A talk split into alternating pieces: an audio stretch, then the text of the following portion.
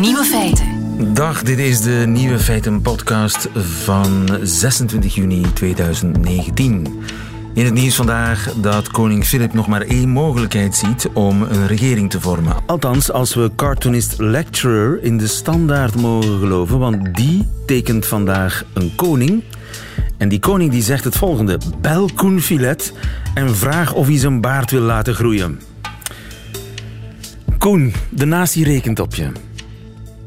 Wat is uw antwoord? Ik ga dat niet doen, lieve. Koen, en als ik aandring? En als de natie en de koning aandringt? Ook niet, lieve. Dus het nieuws van de dag is... Koen Filet wil zijn baard dit keer niet laten groeien. De andere nieuwe feiten vandaag. Wat je ook eet, je kan maar 500 gram bijkomen per dag. De vader van Beyoncé zegt dat ze haar carrière deels te danken heeft aan haar lichtere huidskleur. Hoe rijk ze ook zijn, Chinezen willen geen zeiljacht. En Dad's Army, de comedyreeks uit de jaren 70, is verantwoordelijk voor de brexit, zegt een tv-producer. De nieuwe feiten van Jean Blouten hoort u in zijn middagjournaal. Veel plezier.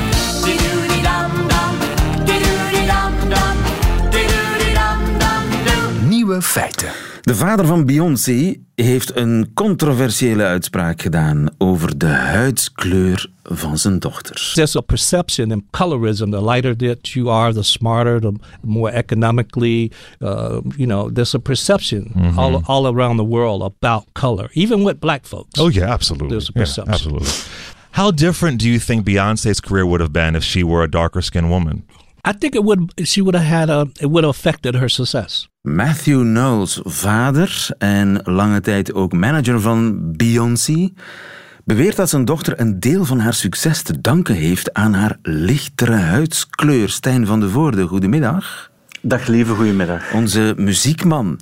Dat is een verpletterende uitspraak. Kan het kloppen? Wel, ik denk dat ze een, een deel van haar succes te danken heeft aan haar looks, sowieso. En bij de looks, eh, daar hoort ook een huidskleur bij. Dat is niet alleen bij haar het geval, dat is ook bij blanken het geval. Als je heel wit bent, is het eigenlijk beter om eh, lichtbruin te zien. En als je heel donkerbruin bent, is het beter ook om lichtbruin te zien. Ik denk dat het schoonheidsideaal bepaald is op dit ogenblik, in deze eh, periode van de geschiedenis, lichtbruin is hetgeen waar je naartoe moet gaan. Zowel als blanke als naar ehm, ja, mensen met een heel donkere huidskleur. Maar dat zou is betekenen natuurlijk- dat succesvolle zwarte artiesten beter niet te zwart zijn. Wel, ik denk eigenlijk dat, dat er wel iets van aan eh, zou kunnen zijn. Ik denk niet dat alles bepalend is. Het is natuurlijk ook zo dat ehm, racisme is wel degelijk iets dat bestaat. Heel veel mensen bouwen daar hun succes op, ook in de politiek. Ehm, maar, dus ik zou het niet zomaar wegwuiven als, eh, en ervan uitgaan dat mensen op een, eh, op een of andere manier wel in staat zijn om huidskleur niet belangrijk te vinden en een nummer bela- belangrijker te vinden dan een huidskleur.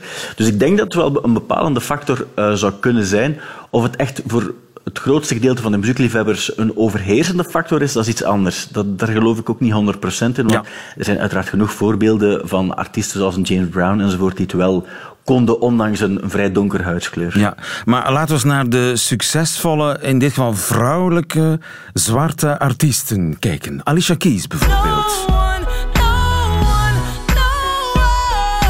Alicia Keys, die, eh, da- daar kan je echt van zeggen dat ze heel lichtbruin is.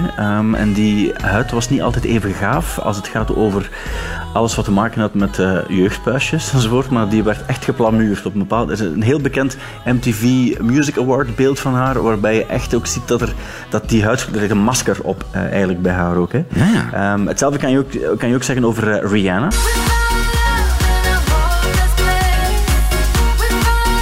Komt van op een eh, prachtig eiland, uiteraard. En, en zij is eigenlijk ook vrij donker van huidskleur, maar niet in de videoclips. Niet op de foto's ook. Zij wordt ook redelijk licht gemaakt. Eh, dat klopt ook wel bij haar. En bij Mariah Carey is nog iets anders eigenlijk. Bij haar weet je, het- weet het eigenlijk echt niet wat ze is. Ik zou denken dat zij eh, gewoon een blanke is die oranje geschminkt wordt. Zij heeft niet echt een bestaande huidskleur, maar het lijkt op iets tussen goud en oranje. En ehm, ja, ik weet eigenlijk niet, niet, niet Ja. waarom, waarom heel veel mensen denken dat zij ook dat zij zwart zou zijn, want het, het is Ja. volgens mij gewoon een, een, een halve blanke. Maar ik vind het wel een verbijsterende vaststelling dat huidskleur een punt blijkt te zijn en een manier om al dan niet succes te hebben in de muziek. Ja. Het is, het is ook zo dat de, de, de vader van Beyoncé ook zelf heeft gezegd dat hij het ook wel begrijpt, want hij heeft zelf ooit voor zijn vrouw, dus voor de moeder van Beyoncé, gekozen, omdat hij dacht op dat ogenblik dat zij eigenlijk blank was. En hij had van thuis meegekregen, als je met een blanke thuis kan komen, het is altijd beter om verschillende redenen. Dus hij begrijpt het ook wel, hij klaagt het in dit geval ook wel aan. Maar hij kan ook wel bewijzen, als je naar de, de, de Billboard tophits kijkt van de laatste decennia, dan zie je ook dat de artiesten die makkelijk overleven, eigenlijk allemaal artiesten zijn die, eh, die een lichte huidskleur hebben of die lichter gemaakt is. En zo, heb je, zo zie je het eigenlijk ook al van bij Michael Jackson. Die had uiteraard een soort van pigmentziekte en bij hem was het dan zo gezegd anders. Maar andere mensen beweren ook wel dat een van de vele dingen waar hij niet tevreden over was zelf, was zijn huidskleur, los van zijn neus en zijn kin en al de rest eh, van zijn uh, Want ja, we hebben het tot nu toe vooral over de vrouwen gehad. Hoe zit het bij ja. de mannen? Deze John Legend bijvoorbeeld? Ja, bij, hem vind ik, ik vind dat hij, nog, dat hij er nog vrij relatief donker uitkomt. Um, maar ja, hij, is, ook een, is ook een geweldig veel gestreamd artiest. Ik weet niet of, of bij die mensen er wordt niet echt geschminkt of zo, maar in foto's zullen ze wel iets lichter getrokken worden. Maar ik denk ook, dat is net hetzelfde zoals bij ons ook. Hè. Wij gaan dat ook doen als er filters... Uh, ge, ge, ge, er bestaan heel veel filters die op foto's gezet worden en er wordt altijd een iets donkere filter genomen en bij zwarte wordt er eigenlijk gewoon voor een lichtere filter gekozen. Ja, maar kun je dat eigenlijk gewoon één op één vergelijken? Maar ik denk natuurlijk, bij ons hangt er niet... Bij ons gaat het puur over een soort van schoonheidsideaal, terwijl bij mensen met een donkere huidskleur gaat het echt over het hele verhaal, het hele racisme-verhaal. Ja, dat is een randje racisme. Is... Ik heb er eigenlijk geen woord voor, want dit is eigenlijk een soort... Uh, ja, colorisme, colorism. Colorism. Ja, kleur, kleurisme. Dat is heel, een, ja, maar het is ook een, een term die bij, bij Obama heel vaak gebruikt is. Omdat men zegt ook, mocht Obama echt donker, heel donker geweest zijn, zou hij er ook niet zo makkelijk gekomen zijn als president. Beweren sommigen dan ook. En zo zou het bij uh, algemeen succes in de Verenigde Staten zo, zo zijn. Uh, Pharrell is ook een goed voorbeeld uiteraard. Ja, uh, hij is ook een soort van mix. ja. Nee, nee, maar ik denk dat hij ook een, een, een mix is van, van nog iets... Mixed race. nog, ook een of andere... Ja, ja. in, in zijn pedigree, zeg maar, allerlei verschillende, ja. verschillende kleuren heeft zitten. Dus we hebben hem nog niet gevonden, de, de echte Usher. Hmm. Nee, Usher is ook, is ook, net hetzelfde. Ze, ze vallen allemaal... Het zijn niet echt de heel donkere, maar en Jay-Z bijvoorbeeld heeft dat dan weer wel. Um, die, die is wel heel, heel donker. Er zijn genoeg voorbeelden van, van, van artiesten en die dat Jay-Z, is dat dan niet meer de, de echte rapper? Ja, bij de, bij de echte rappers wordt het ook makkelijker, zo het zo moeten zeggen, makkelijker vergeven, denk ik ook. Uh, dat het net cool is, dat je een soort van... Uh, uh, omdat, denk ik bij pop sowieso, dat het licht, het lichtbruine licht geprefereerd wordt. Terwijl bij hip-hop ja. is het net het omgekeerde, denk ik. Dus popmuziek is racistischer en, dan hip-hop? Maar ik denk, mensen zijn, zijn racistischer. En als het over, voor meer mensen bestemd is, als het voor het groter publiek is, moet je ervan uitgaan dat de kans op meer racisme aanwezig is. En dat het dan blijkbaar op een of andere manier echt een effect heeft. Ja. En het is griezelig, maar goed, mensen het is zijn griezelig. griezelig. Het is een inconvenient truth. Meneer Knowles, dus vader Beyoncé, zeg maar, had ook iets te vertellen over rappers. When you look at the rap industry, who gets more airplay than anybody is who? White people? No, Drake. Started from the bottom, now we're here. Yeah, although Little Wayne had his run. Took him a while. Took him a while. Took him a while to cross over. It didn't take Drake a while to cross over. Yep. Drake almost came out of the box, crossed over. Started from the bottom, now the whole team here, nigga. Ja, als dat waar is, dan... Uh, hij, hij, beweert, uh, vader Beyoncé, dat Drake eigenlijk de koning is van uh, de hip-hop en de rappers. En ook Drake is ja. niet echt donker-donker zwart, hè? Nee, dat is waar. Maar ik denk wel, in zijn geval, bij Drake is het sowieso het geval. Het is eh, een van de meest gestreamde sowieso. Maar je hebt een andere voorbeeld zoals The Weeknd, die het ook heel goed doen. Daarbij eh, is dat helemaal niet het geval.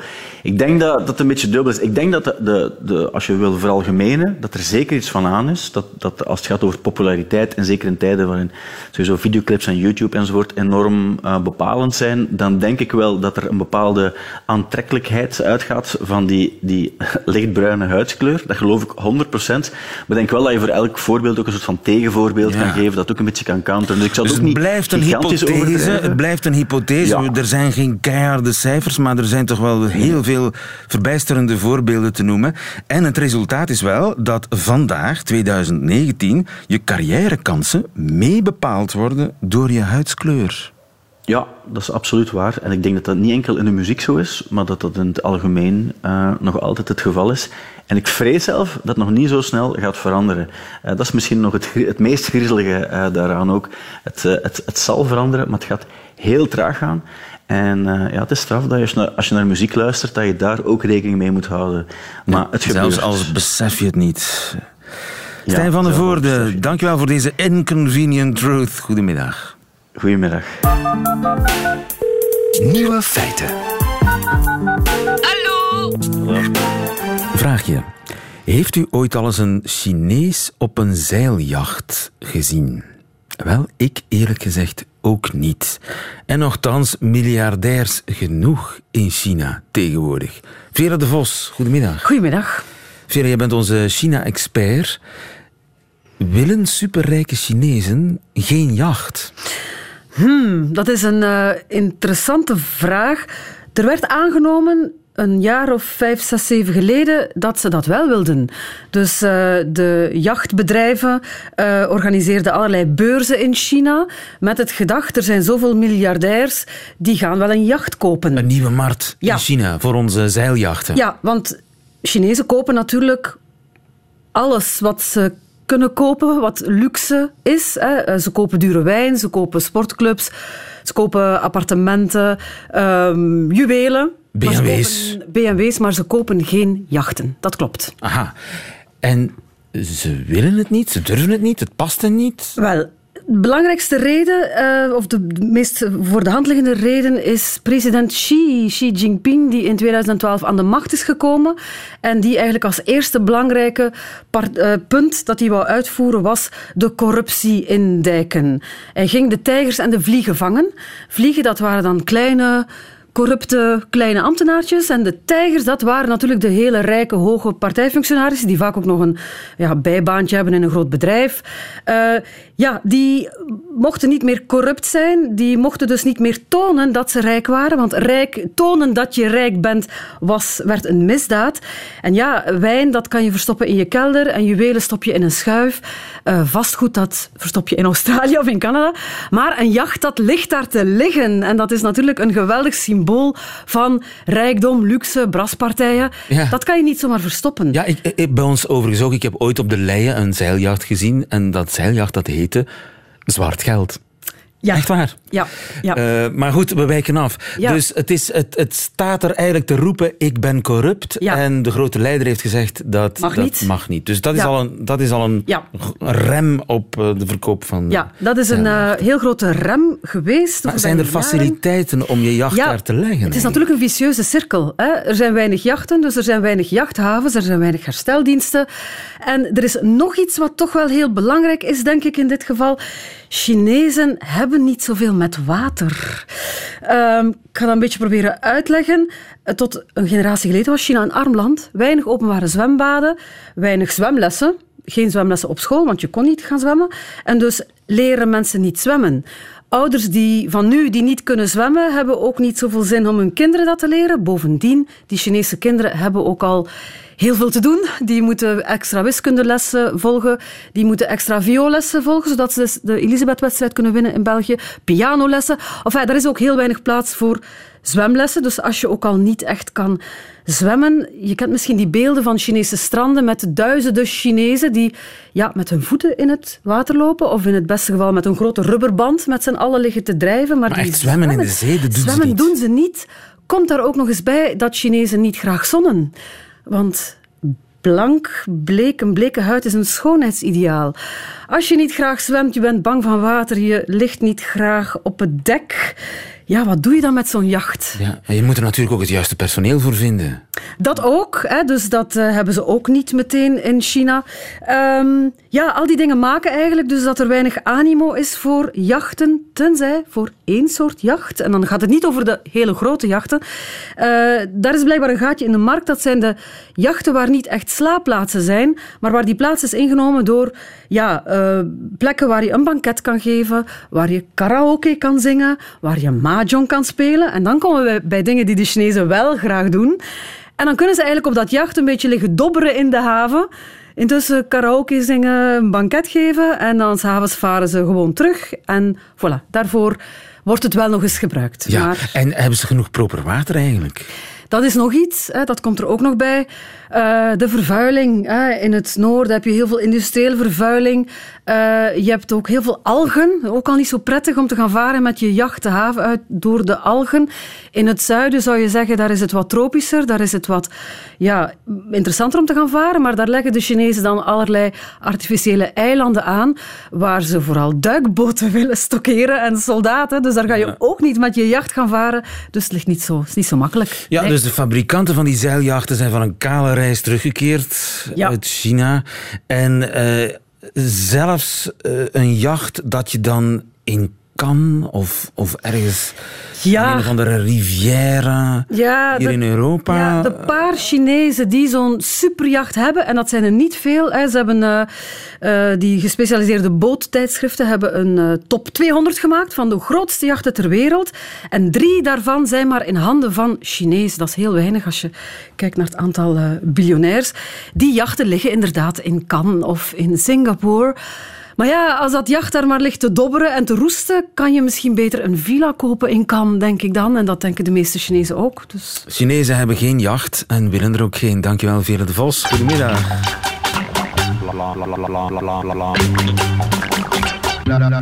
Nieuwe feiten.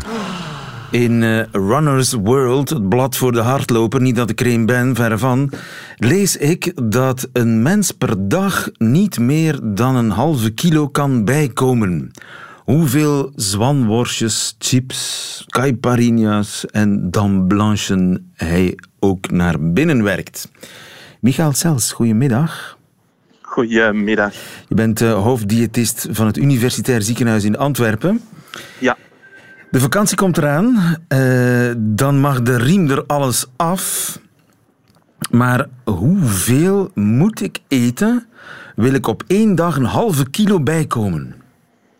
Voor een kilogram lichaamsgewicht moet je 7000 kilocalorieën meer eten dan je verbruikt. Dus voor een halve kilo, ja, 3500 kilocalorieën meer eten. En dat is te doen? Goh, om op een dag, tijdens 24 uur, kan gewicht zeker wel wat schommelen. Hè. Als je jezelf ochtends weegt of je weegt jezelf s'avonds, ja, dan ga je zien dat je een totaal ander gewicht op de weegschaal gaat tegenkomen. En die afwijkingen kunnen veel groter zijn dan 500 gram. Dat is uiteraard niet allemaal vetmassa of niet allemaal spiermassa, maar is bijvoorbeeld gewoon, hè, als je nu bijvoorbeeld een glas water drinkt en je staat op de weegschaal, weeg je uiteraard een beetje meer. Dus het is zeer moeilijk en waarschijnlijk niet mogelijk om op een dag 500 gram echt weefsel aan te maken. 500 gram spierweefsel of 500 gram vetweefsel. Dat is eigenlijk niet mogelijk. 500 gram nee. is zelfs al een theoretisch maximum. En dat, om dat theoretisch maximum te bereiken, zou ik al 3500 extra kilocalorieën moeten innemen. Ja, bovenop wat dat je normaal al verbruikt. Ja. Dus voor een gemiddelde man is dat 2500 kilocalorieën per dag. Daarbovenop nog eens 3500 kilocalorieën om die theoretische 500 gram bij te komen. Ja, dat is al meer dan dubbel zoveel als je normaal zou eten of drinken. Ja. ja. Dus dat is eigenlijk goed nieuws voor mensen die uh, stilletjes van plan zijn om zich op vakantie een keer een weekje te laten gaan. Wat eigenlijk uh, belangrijk is, is om een tijdje te proberen een stabiel, gezond gewicht aan te houden. Want we weten dat een gewicht, ja, je hebt in je lichaam een soort barometer. En dus een gewicht waar dat je telkens terug naartoe gaat. Wanneer je veel gewicht verliest, bijvoorbeeld je werkt echt aan, aan het bikini body en je verliest heel veel gewicht voor je op vakantie gaat. En dan stop je meteen met je dieet en gaat terug heel veel eten, veel calorieën, veel energie. En dan ga je heel snel terug naar eigenlijk dat oorspronkelijke gewicht gaan en vaak zelfs net een klein beetje meer. En dat is het yo-yo-effect dat veel mensen ervaren.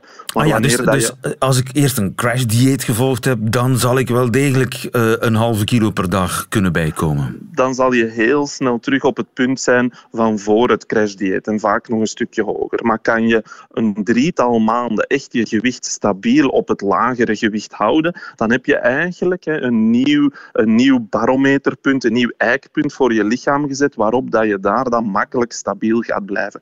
We eten alle dagen wel, de ene dag een beetje meer, de andere dag een beetje minder energie. En ons gewicht ja, schommelt vaak rond een stabiel punt. En dat stabiel punt, ja, dat bereik je heel snel terug. Dus echt een crashdieet um, een aantal weken voor je op vakantie gaat volgen en dan nadien niks meer doen, ja, dan ga je jammer genoeg heel snel terug op, um, op je oorspronkelijke ja, gewicht uit. Dat is dus een heel slecht idee. Maar als ik nu dat stabiele gewicht heb en ik laat me op vakantie een weekje volledig gaan. Ik uh, chocoladetaarten laat maar komen. Mozzarella à volonté. En dan ook nog eens van die uh, zoete drankjes, uh, cocktails met suiker en fruit en laat me komen. Als ik dat een week lang volhoud, ja, veel groter dan een paar kilo, één of twee kilo, kan de schade niet zijn. En je gaat heel snel terug nadien en na je vakantieperiode terug naar je stabiele, hopelijk gezonde gewicht teruggaan. En wanneer je ook terug in je normale eetpatroon valt. Dus eigenlijk ja, hoef je daar niet al te grote zorgen om te maken. Het is vooral belangrijk om, om ja, en probeer bijvoorbeeld jezelf eenmaal per week te wegen in plaats van dagelijks te wegen of twee keer per dag te wegen. Want dan ja, geeft het soms het, idee dat je gewicht heel sterk schommelt. Maar ja, dat is uiteraard uh, je toiletbezoekjes, wat je gegeten hebt, wat je gedronken hebt, dat je ook allemaal mee op die weegschaal ziet. Dus ja, daar ga je heel grote afwijkingen kunnen zien. Maar als je eenmaal per week weegt, ja, dan heb je meer een stabiel idee van wat is nu eigenlijk mijn gemiddelde stabiele gewicht. Hè, waar, uh, waar schommelt dat ergens rond? Ja, en een weekje zondigen, dat zal uh, geen grote veranderingen in dat stabiele gewicht teweegbrengen. Op voorwaarde natuurlijk dat je na een week uh, zondigen terug normaal kunt doen. Ja, en probeer als je zondig dingen te kiezen die echt de moeite waard zijn. Hè. Ja. Als je een stukje taart eet, eet dan een stukje taart van de beste bakkerij die je kan vinden. In dat vind ik een geweldige tip. Dat vind ik een geweldige tip. Als je zondig doe het dan goed. Voilà. Michael Sels, ik hoor dat je op uh, de luchthaven staat, dus ik wens jou een fijne vakantie en af en toe een beetje zonder mag. Michael, zeker, dankjewel. Zeker. Goedemiddag. Goedemiddag. Nieuwe feiten. U herinnert zich misschien de legendarische Britse comedyreeks Dad's Army, bij ons ooit uitgezonden als Daar komen de schutters.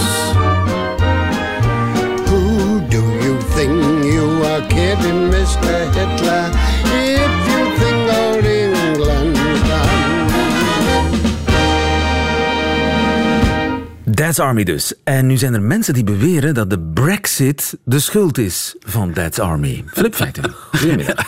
Dat is echt wel de mop van het jaar. De mop van het jaar. Je bent onze Engeland-kenner uh, ja. Dad's Army. Help me even. Comedy uit de jaren 70. Ja, uh, 68 is het begonnen. Um, een uh, verhaal over ja, een bijna vergeten verhaal. Je hebt de soldaten die in de Tweede Wereldoorlog vochten op alle mogelijke fronten. Maar er, er waren ook mensen die dan te oud waren om in het leger te komen. Of te jong.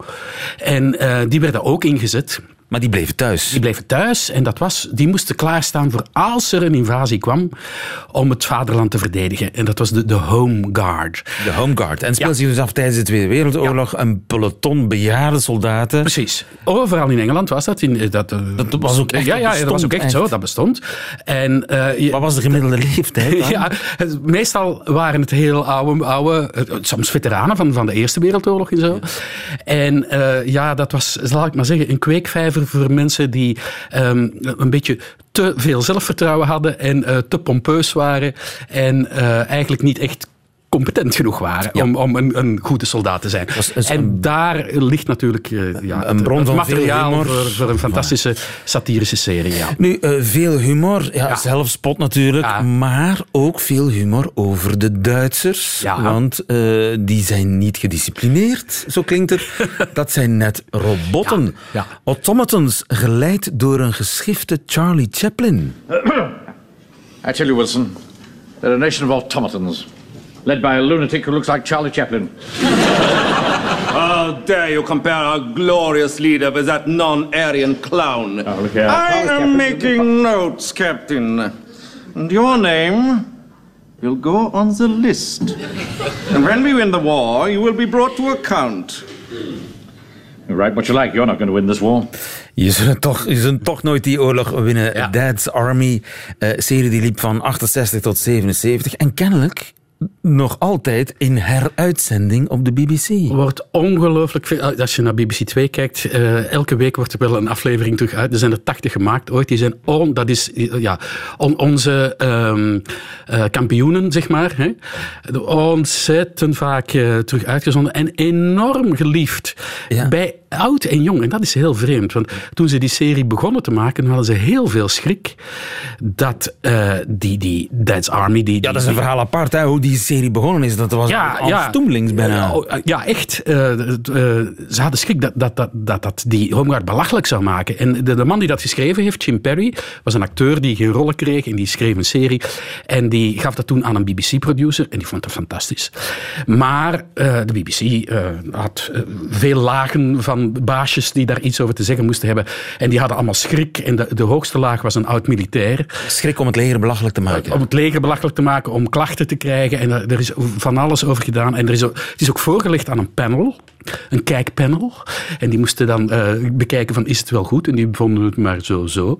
En daar is dan een lijvig rapport over geschreven. En dan zijn er allerlei eh, eh, complotten geweest om dat rapport onderaan in een schuif te leggen, zodat niemand het kon merken. En het is trouwens pas bovengekomen toen de eerste afleveringen al uitgezonden waren. En een succes werd. En dan bleek Een pas... enorm succes. dat- en zelfs speciaal bij die mensen die zelf eh, in, die, in die homeguard hadden gezeten. Die, die herkenden de verhalen. Die zeiden, oh ja, zo is het gegaan. Die stuurden zelf verhalen in, enzovoort. En het sloeg aan, niet alleen bij hen, niet alleen bij de ouderen, eh, maar ook bij alle leeftijden. En eh, bij alle generaties die daarop volgden. Nu, Ja. er is een mevrouw die vindt dat de BBC met die heruitzending in naam van de brexit moet stoppen. Ja. Wie, wie is Daisy Goodwin? Daisy is Goodwin is een eh, perfect respectabele eh, eh, producer van verschillende tv-programma's. Ehm, eh, alle soorten programma's, kookprogramma's, dramaprogramma's. Dus Niet niemand. het- Niet niemand. En zij beweert dus dat die vele herhalingen de brexit in de hand hebben gebracht. Ja, eh, ze zegt vooral van je cultiveert daarmee een romantisch beeld van het, het, het cozy, het warme, het typisch Britse eh, ja, Verenigd Koninkrijk. En dat is ook zo. Dat is absoluut waar. Maar om van daaruit nu de stap te maken van dit mag je niet meer uitzenden, want daarmee beïnvloed je de mensen te zeer.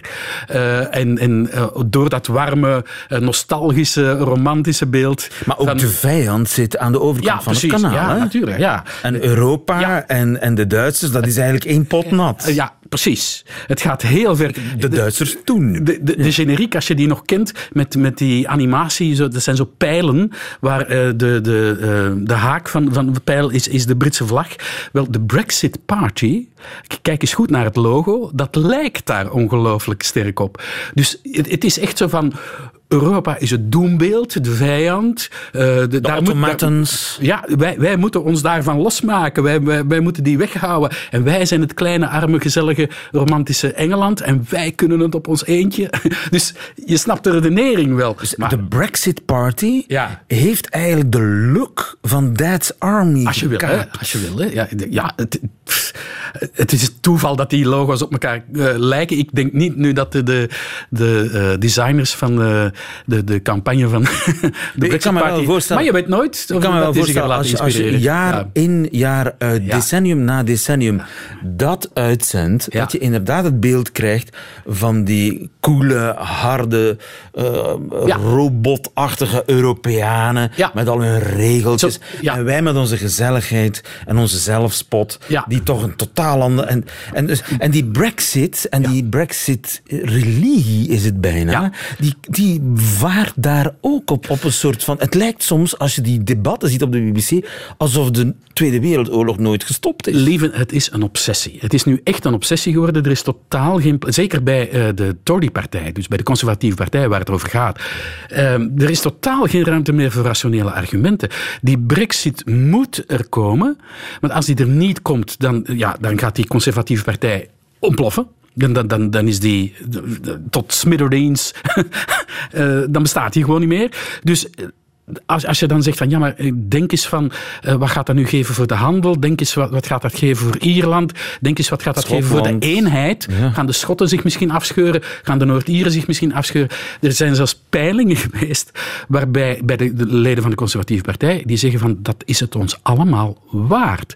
Het, het, het, zelfs het ontploffen van onze partij, zelfs het uiteenvallen van het Verenigd Koninkrijk, die brexit, het enige wat het ons niet waard is, we willen eventueel de brexit inslikken als het alternatief is dat Jeremy Corbyn van Labour premier zou worden. Dat vinden ze nog erger. Dan willen ze de brexit wel even opzij zetten. Maar al de, al de rest, eh, de, come what may, eh, de- alles mag instorten. Die brexit moet er komen. En in dat licht kan je natuurlijk begrijpen dat iemand zegt van ja, dit is zo'n obsessie, dit is totaal van de pot gerukt. Dus eh, hou, hou That's Army van, van antenne. That's Army, Ja. van, want dat, het speelt eh, bepaalde politici in de kaart. Daisy Goodwin beweert dat of ze gelijk heeft. Het al jaren heruitgezonden. Ik, ik, ik zou niet weten, toen, ook toen die brexit totaal niet speelde. Dus ik Het is te laat. Het is sowieso het is te laat. Het is te laat. Laten we het daarop We're doomed. We're doomed. We're doomed. Nieuwe feiten. Middagjournaal. Op reis neem ik altijd mijn e-reader mee. Bespaart mij een hoop gesleur met een vracht boeken en ik lees altijd graag iets over de landstreek waar ik mij bevind. En als het even kan, in de lokale taal. In Frankrijk spreekt men nog altijd het elegante Frans en laat dat nu net mijn vaderstaal zijn. De sprake die mij van kindsbeen vertrouwd in de oren klinkt, al ben ik in het Nederlands opgevoed, zoals u wellicht meteen is opgevallen. Op mijn e-reader staan onder andere de essays van Michel Montaigne, oftewel Michel de Montaigne, die eigenlijk Michel Ekem heette en 500 jaar geleden een gerespecteerde staatsman, rechter, filosoof en zelfs burgemeester van Bordeaux was. Ik laat verdere info graag over aan eh, Wikipedia, al zal die niet vermelden dat Montaigne al jaren mijn oudste vriend is geworden, die ik in geschriften altijd in de buurt heb. Ik zal maar eens met een levensvraag zitten. Omdat wij dan toch in de Dordogne aan het cruisen waren, mocht een bezoek aan de toren van Montaigne niet ontbreken. De toren waar de humanist-filosoof zich op 37-jarige leeftijd in terugtrok om er omringd door zijn gigantische bibliotheek zijn levenswerk Essai te schrijven. Ik wilde mijn 500 jaar oude wijze gids voelen in zijn biotoop, zijn ruimte, zijn isolement, zijn sceptische reflecties in mij opnemen op de plek waar hij zijn gedachten de vrije loop had gelaten, neergepend en gedeeld met de wereld tot op vandaag grotendeels actueel trouwens, leesbaar en leerzaam. Ja, zegt, moeten niet altijd de Beatles zijn, hè? Maar goed, ik dacht de 100 kilometer naar de toren te combineren met een relaxe autocruise, een verplichte Périgord picknick in Kluis. Goed dat ik op tijd checkte of de toren die dag open was, want dat was hij niet. Ook de rest van die week niet. Reden onbekend. Als ik mijn vrouw mag geloven, kan ik soms serieus een stukje zagen. Dat heb ik die dag dan ook schaamteloos gedaan en in plaats van mijn gebruikelijke fuck, fuck, fuck de taal van Michel aangewend. Merde, merde, merde. Hoe zou ik zulk een coup raté ooit kunnen verwerken nu ik zo dicht bij mijn doel was geweest, de toren van Montaigne? Een paar dagen later belanden we in Angoulême, de wereldstad van het stripverhaal. In het stripmuseum kon mijn vaderlandse borst zwellen van trots bij het zien hoe belangrijk de Belgen Franquin, Hergé, Maurice en ontelbaar veel anderen wel zijn in de wereld van la bande dessinée. Even vergat ik Montaigne. Tot in Bordeaux. In de chique buurt, genaamd Les Grands Hommes, liepen wij door het Michel Montaigne-straatje en wat verderop kwam ik hem toevallig tegen in de vorm van een standbeeld, recht tegenover dat van Montesquieu. Dat werd fotografisch vastgelegd en weg was de frustratie van de gemiste toren.